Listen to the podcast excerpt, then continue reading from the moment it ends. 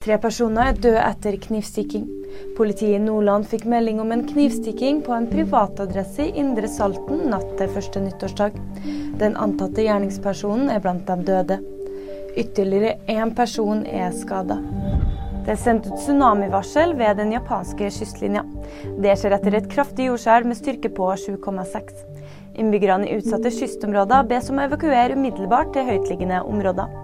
Den japanske regjeringa bør også folk forberede seg på flere skjelv. Det er krevende kjøreforhold flere steder i landet.